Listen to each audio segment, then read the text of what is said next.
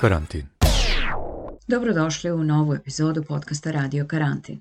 Moje ime je Jelena Fiser i ako me slušate u Srbiji, blago vama. Verovatno ste već primili bocu, ja u Holandiji neću, verovatno do juna.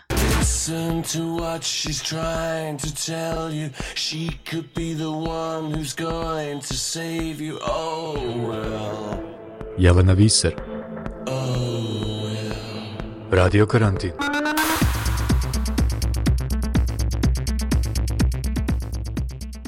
U Srbiji je prema vladinim podacima dato više od milion i po doza vakcine protiv koronavirusa, a više od pola miliona ljudi primilo je i drugu dozu vakcine.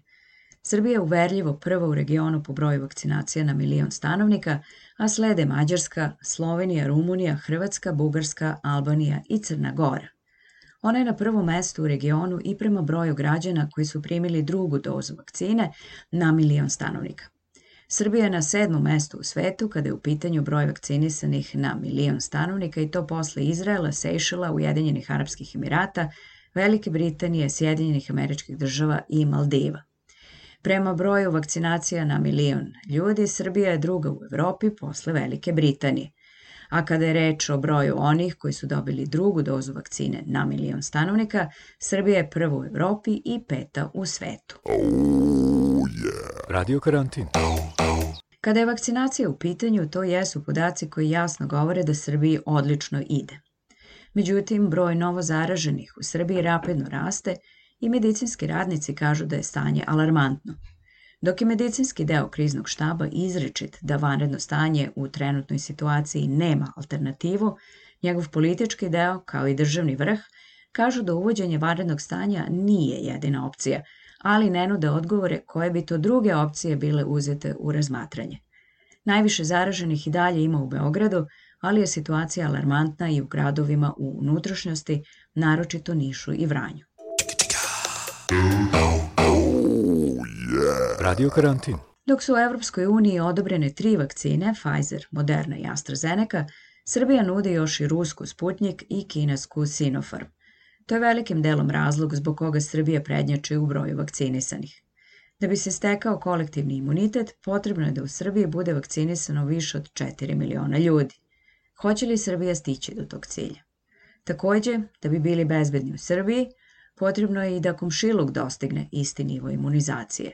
Vakcinacija se, vidimo, tamo ne odvija sjajno. Aleksandar Vučić lično je u Sarajevu dostavio 5000 jedinica vakcina AstraZeneca kao pomoć Srbije Federaciji BiH. Koliko je na delu diplomatske igre Beograda u regionu, da li i na koji način će se prisni odnosi Beograda sa Moskvom i Pekingom isplatiti na kraju pandemije i zašto je vlada osetljiva na pitanja koje se tiču nabavke vakcina. Moj gost je Peđa Obradović, novinar televizije N1 i sa njim razgovaram o licu i naličiju uspeha Srbije u vakcinaciji.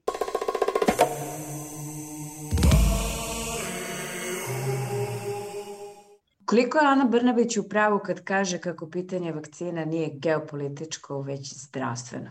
A izgleda da su se ovi prisni odnosi sa Pekingom i Moskvom sad baš a, konkretno dobro isplatili.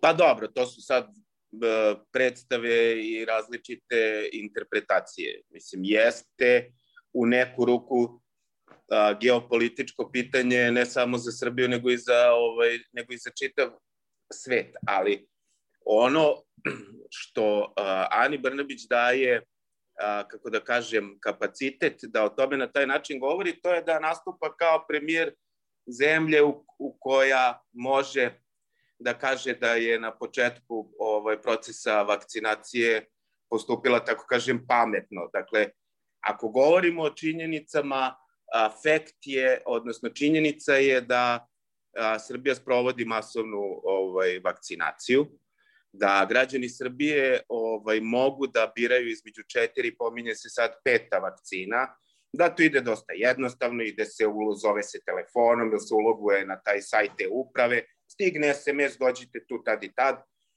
Ljudi koji su išli da se vakcinišu, ovaj, za razliku od mene koji iz nekih specifičnih okolnosti spada u baš mali broj ljudi koji ne može, nažalost, da se vakciniše, iako se ljubomora na svakog ko se vakcinisao do sada, u mojoj okolini su se gotovo svi vakcinisali.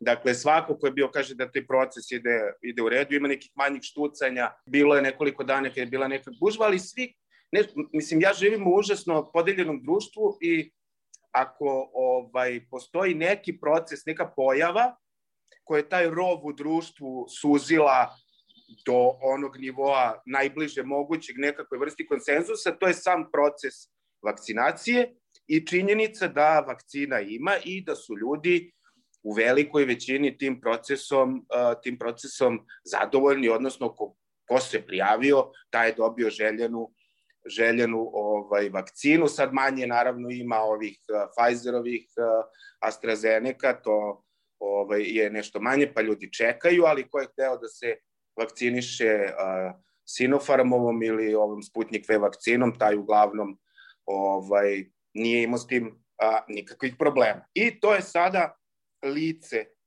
ove priče. I to lice daje kapacitet vlastima da sad a, tu pojavu interpretiraju na način koji njima odgovara. Naravno da će to biti pre svega, mislim, to je pametno da će na pitanje da li je to geopolitičko pitanje premijerka reći da je to humanitarno pitanje, a ne geopolitičko.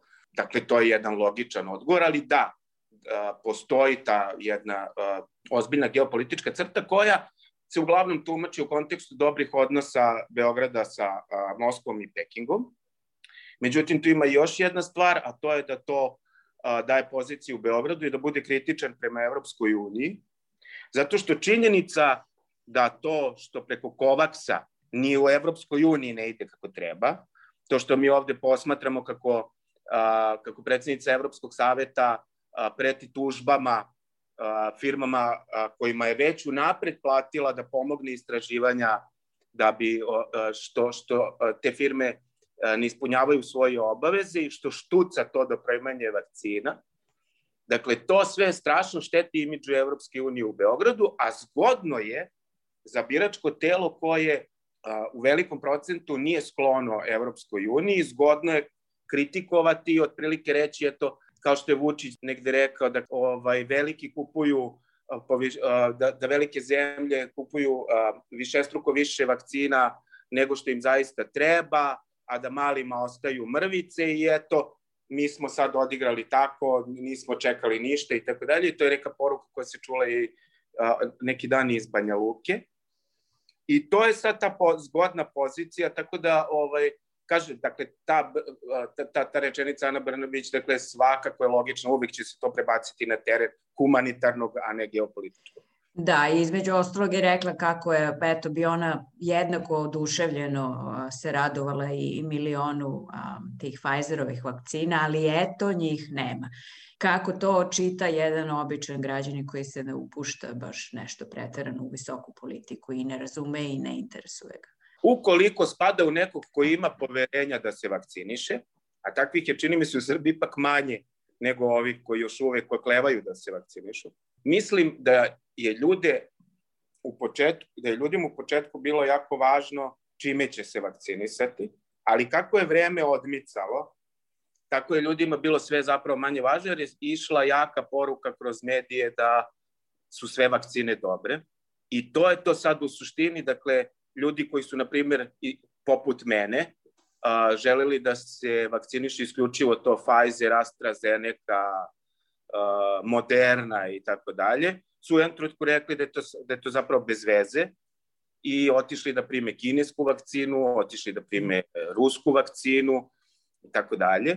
Mislim da su u principu uh, uh, ljudi bilo važnije da prime to cepivo, da se sačuvaju od bolesti, ne, danas mnogo, a, a da ih danas mnogo manje zanima koja će to koja će to vakcina biti, pogotovo što se ovde dešava jedan paradoks, a to je da sa sve većim brojem vakcinisanih i revakcinisanih strašno raste broj zaraženih. Dakle, mi smo sada u jednoj dramatičnoj situaciji, koristim izraz dramatičnoj zato što je koriste taj, taj medicinski deo kriznog štaba, on je koristi. Dakle, evo, upravo je stigao podatak dok mi razgovaramo. Danas je recimo 4100 zaraženih, za razliku od jučerašnjih 3400 i za razliku od pre neki dan 2000. Dakle, brojevi, upozorenje su da brojevi dramatično rastu. Ovaj glavni epidemiolog, kažem glavni, medijski najpoznatiji, Predrag Kon, iskoristio izraz ako, se ne, ako ne budemo otišli u lockdown i zatvaranje, pukli smo kao zvečka odnosno medicinski uh, zdravstveni sistem to neće moći da izdrži. Dakle, mi smo trenutno u poziciji strašnog paradoksa. S jedne strane imamo to lice koje je super organizovana vakcinacija i ima vakcina, a sa druge strane postoji to naličje koje je više slojno, dakle, gde, su pre, gde pre svega činjenica da smo mi u novom talasu epidemije u Srbiji, da brojevi dramatično rastu. Prvi put mi se dogodilo da su kod moje čerke u vrtičkoj grupi, kod sina u odeljenju u osnovnoj školi i kod drugog sina koji je u srednjoj školi zaraženi je i deca i profesori i vaspitači. Prvi put mi se to dogodilo. A to naličje ima još nekoliko nivoa, ovaj, a to su pre svega jedna netransparentnost uh, nabavki i troškova te nabavke i uh, jedna strašna osetljivost vlasti na bilo kakvu vrstu kritike, koja čak ne mora biti ni kritika, nego neka situacija ili neko pitanje koje može biti dovoljno da kao moja televizija budete proglašeni za nekoga ko hoće da sruši vakcinaciju. I naravno postoji taj jedan stepen zlopotreba gde ćete videti na naslovnoj strani nekog provladinog a, tabloida opozicionih, opozicionog lidera koji stoji u redu da se vakciniše, a dole piše juče kritikovo vakcinaciju, danas ide da se vakciniše. Ta priča ima to jedno lice koje je stvarno kao vi ćete svakog dana na nacionalnoj televiziji videti kako smo mi prvi, ne znam, u Evropi, četvrti u svetu sa procesom vakcinacije i to naličje koje ima svojih nekoliko nivoa, uključujući taj paradoks da broj zaraženih broj zaraženih raste i da nam preti ozbiljan ozbiljna neka kriza, bar tako kažu ovi doktori ovaj, tom medicinskom štabu. A šta se zna u medijskoj čarši o transparentnosti tih ugovora? Ne znamo ništa. Evo, ja sam danas video neki podatak iz Bosne i Hercegovine, dakle, da, su, da, da je Rusija nudila Bosni i Hercegovini, po tome znam nešto, a, Bosni i Hercegovini vakcine po ceni 9,95 dolara, valjda pa, deve, pa vakcina i revakcina ispadnu nešto 19 dolara i nešto. Po, znači, to je... Pojedinac, znači. Po, po, mi ovde ne znamo to. Niti se to postavlja kao pitanje. Ono što znamo, to je da predsednik Srbije Aleksandar Vučić stalno tvrdi da on zove premijere i predsednike Rusije, Indije i Kine, da ih on, da on nema problem da moli za vakcine, da nekako on se on je naravno tu se postavio kao on završava sve i to znamo, ali ugovori, mi ne znamo još uvek ni ono ko, ovi, kako se zove, respiratora, što je bilo u prvom delu pandemije kad su bile nabavke, ne znamo ni oko toga troškova. Ovde i dalje to, ne, dakle ovde ne znamo ništa o tome i taj izostanak transparentnosti jeste deo tog naličja o kome ja govorim. Zašto je to tako, ja ne znam, ali mi ne znamo ni koliko košta onaj spomenik i on je tajna do neke 2023. ili ne znam do kada i puno tih stvari koje se tiču javnog novca koji je potrošen mi zapravo ne znamo, uključujući ovo, a ne znamo ni kako se a, kako su se ti dogovori pravili. Ono što ja kao posmatrač mogu da primetim da je za razliku od prilično paničnog i neozbiljnog odgovora na krizu s početka pandemije u ovo vreme prošle godine, kad smo imali najsmešniji virus, pa onda da će groblja biti puna, ako, ne znam, ne povedemo računa, što je meni samo pokazatelj koliko se panično zapravo reagovalo i nespretno.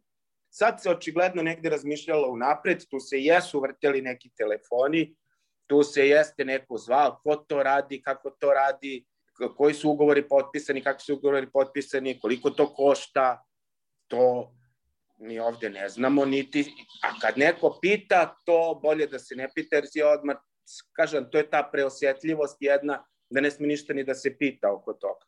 Mislim, ne sme. Sme, ali to onda izaziva salvu nekakvih ovaj, reakcija.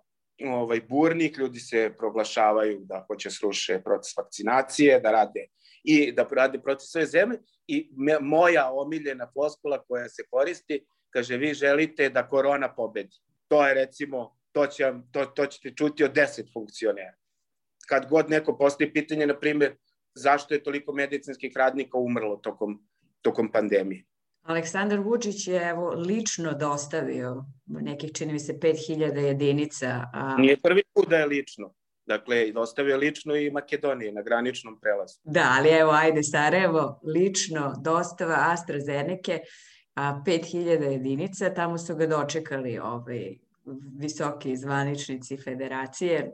To je naravno i, i ove poteze predstavljen kao humanitarno pitanje. Evo, pomažemo braći u nevolji. Kako se čita ovaj potez? Ili može se govori sad o ovom nekom kao diplomatskom a, osvajanju, pobedi, čemu već i opet a, slanje nekih poruka Evropskoj uniji? Bilo je neko slično pitanje u Sarajevu i znam da je to Vučiće jako iznerviralo, ali a, kako da kažem, njemu stvarno svašta ide na ruku, pa i to pitanje ide na ruku, jer uvek može da bude ocenjeno kao eto bez veze i maliciozno. Ja sam mm -hmm. vama dao vakcina, vi je pitate da li je to nekakav dipo, diplomatski šamar nekome i tako da. To je jako dobro pitanje zašto i u okruženje i Srbije kao donacije idu te to AstraZeneca, Pfizer uh, vakcine i da kažeš eto mi sad imamo i višak vakcina i daćemo vam ga, daće on taj višak i da to predstaviš kao humanitarno pitanje. Ok, ajde sad na stranu ove um, špekulacije ko je njegov ono, mo motiv sada da udeli par hiljada ovde, par hiljada onde, a realno situacija u regionu nije sjajna uopšte. Um, da zanemarimo za trenutak Hrvatsku i Sloveniju koje popadaju pod ovaj EU deo, Tamo je nešto u Hrvatskoj vakcinisano manje od troje ljudi na, na 100 stanovnika, u Sloveniji nešto manje od pet. Evo, praktično u Bosni još nije počela vakcinacija, Makedoniji nešto traljevo nedavno, Crna Gora, povuci potegni, mislim da bi se taj imunitet, ta imunizacija nekako postigla, mora i komšiluk da bude bezbedan, ili tako? Nije samo Srbija sad tu u pitanju koliko znam, Kosovo i Severna Makedonija se baš muče.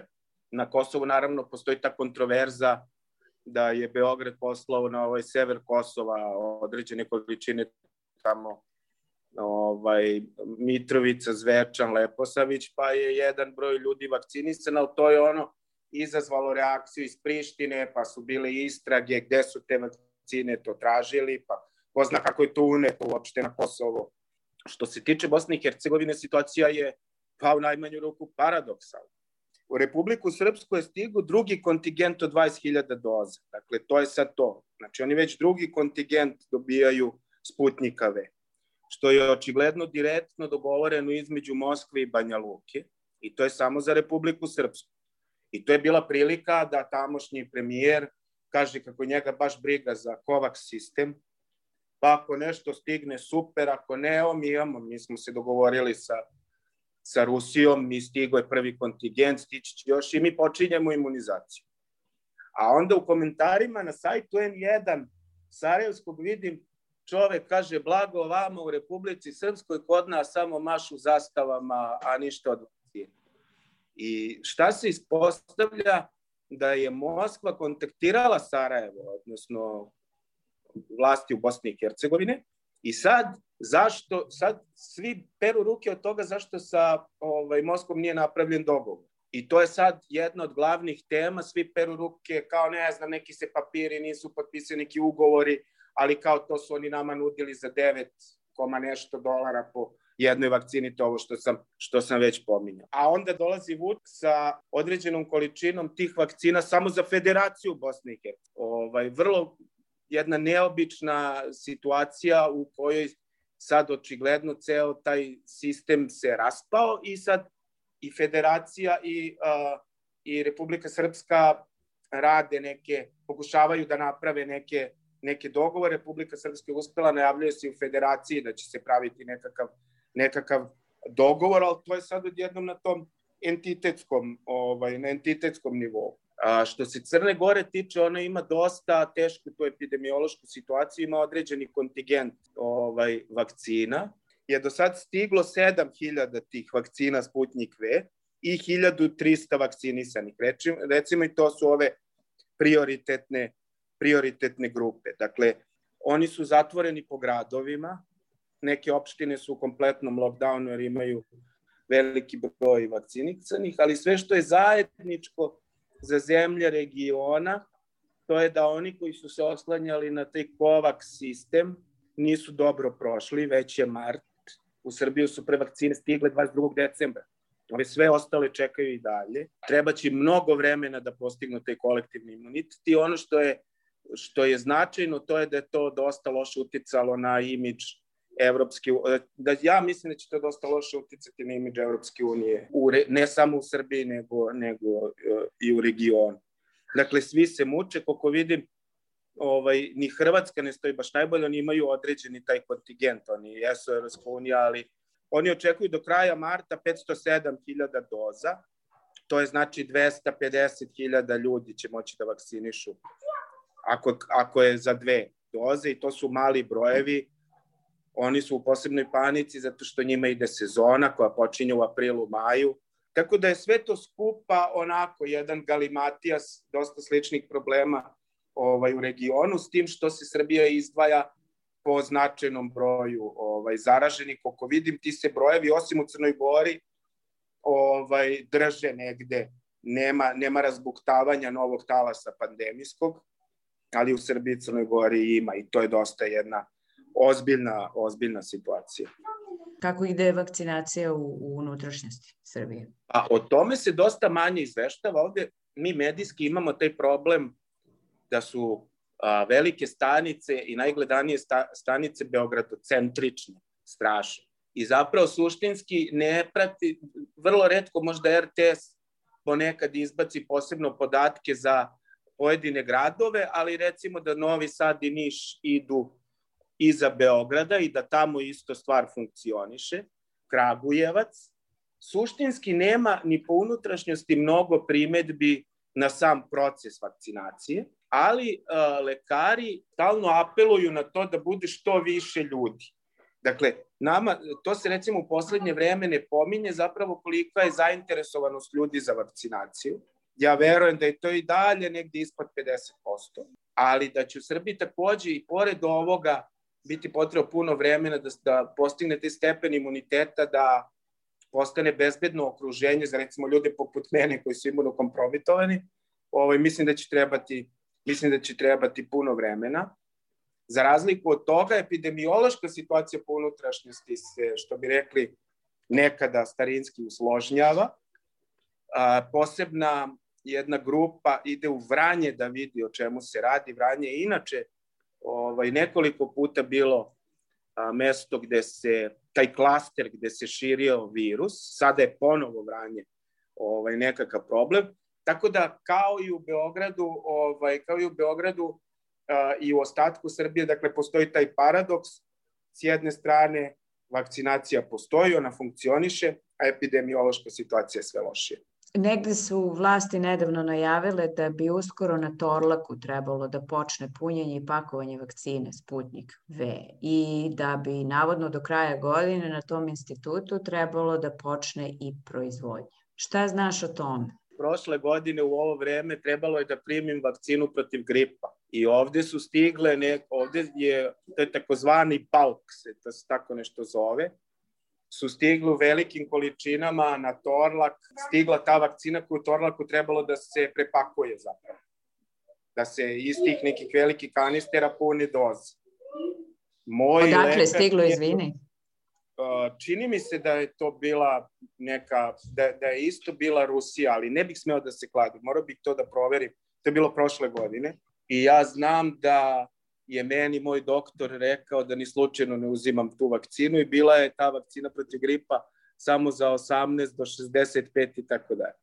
Sada se ponovo govori o tome da će stizati nekakve velike količine i da će u početku Torlak samo to pakovati. Pitanje proizvodnje je još dalje od toga. Ovde je dolazila nekakva komisija da uh, dolazila nekakva komisija da gleda šta u Torlaku postoji, šta ne postoji, od te opreme, šta treba uraditi, kako je opreme. Mislim, to je za mene ono što bi rekli long shot i dalje.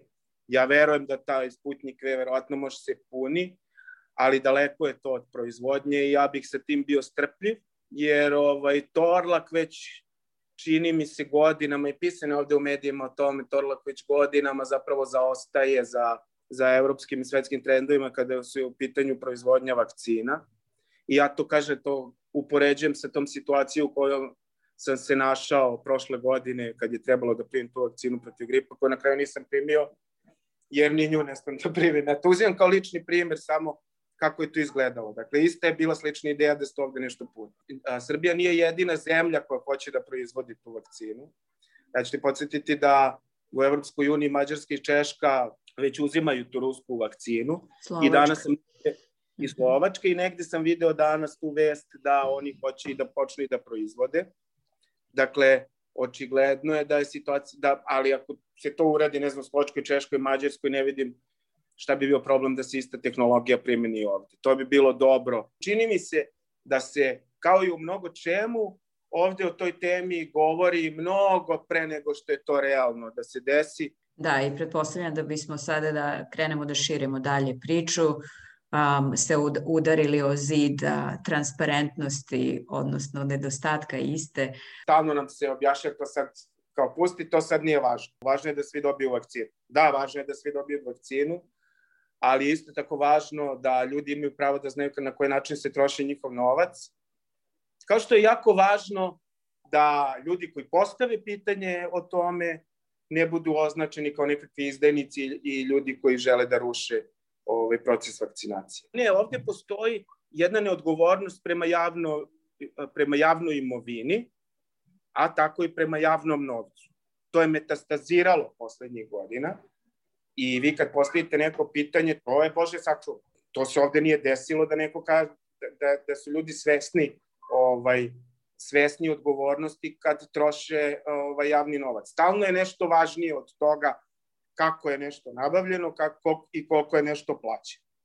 Stalno je nešto važnije od toga, a u pandemiji su od toga važniji ljudski životi i sad, aj ti kaži da jedan ljudski život nije važniji od toga koliko košta doza vakcine. Moja prijateljica je doputovala nedavno iz jedne od susednih zemalja da se vakciniše u Srbiji. Kaže da je imala utisak um, da je u tom redu u kome čekala bilo dosta gastarbajtera i ljudi koji žive u inostranstvu, koji su došli na, na vakcinaciju u Srbiju, a pretpostavljam da su to oni koji su zadržali ta neka dvojna državljanstva ili inače ne bi bilo moguće da, da se vakcinišu. Ja ne vidim kako bi bilo moguće. Ove, pa me to podsjetilo na one priče, ono kao, znaš, dolaze onaj um, estetsko-kozmetički zdravstveni da, da, da. turizam, evo sad to, dođu da srede zube, evo sad su došli da dolaze da primaju vakcine. Šta ti znaš o tom? Mislim, kako ljudi uopšte mogu, kako neko ko je nemački državljanin, recimo, dolazi u Srbiju da se vakciniše? Pa to je dobra priča. A, zapravo, ljudi sa dvojnim državljanstvom iz Republike Srpske dolaze da se vakciniše. Postoji takođe priča o značajnom broju makedonaca iz Severne Makedonije koji dolaze da se vakcinišu u Beogradu. Navodno je a, dovoljno samo imati srpski a, broj telefona i prijaviti se preko onog portala e-uprava. A što se tiče ljudi iz inostranstva, da, ja ih znam baš dosta koji su iz inostranstva došli u Beograd da se vakcinišu i to uspešno uradili, kao što znam dosta onih koji su se, nažalost, koji su se, nažalost, koji su se odrekli ovaj, srpskog državljanstva i sad kao, e, da sam ostao u Srbiji, kao, sad bi se vakcinisao i tako dalje. Dakle, mislim, mi smo bili svačega svedoci ovaj, ovde, tako da i to da postoje razni putevi da se do... Bila je ta afera s Vedranom Rudan, koja je takođe u Beogradu primila vakcinu. Nisam siguran da ona ima baš dvojno državljanstvo. Ali, dakle, očigledno da postoje ti alternativni putevi do vakcine. Taj broj ljudi a, koji se na taj način vakcinisu, to zapravo ne znam. To je, to je pitanje koje još uvijek izgleda nije došlo na, došlo na red. Peđa Obradović, novinar televizije N1.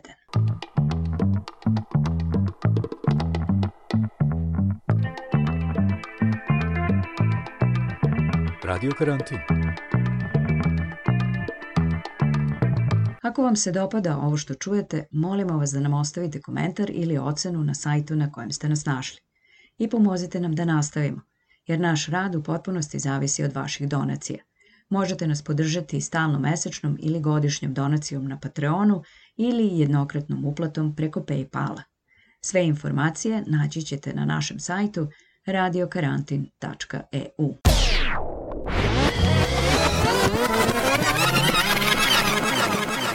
Radyo Karantin.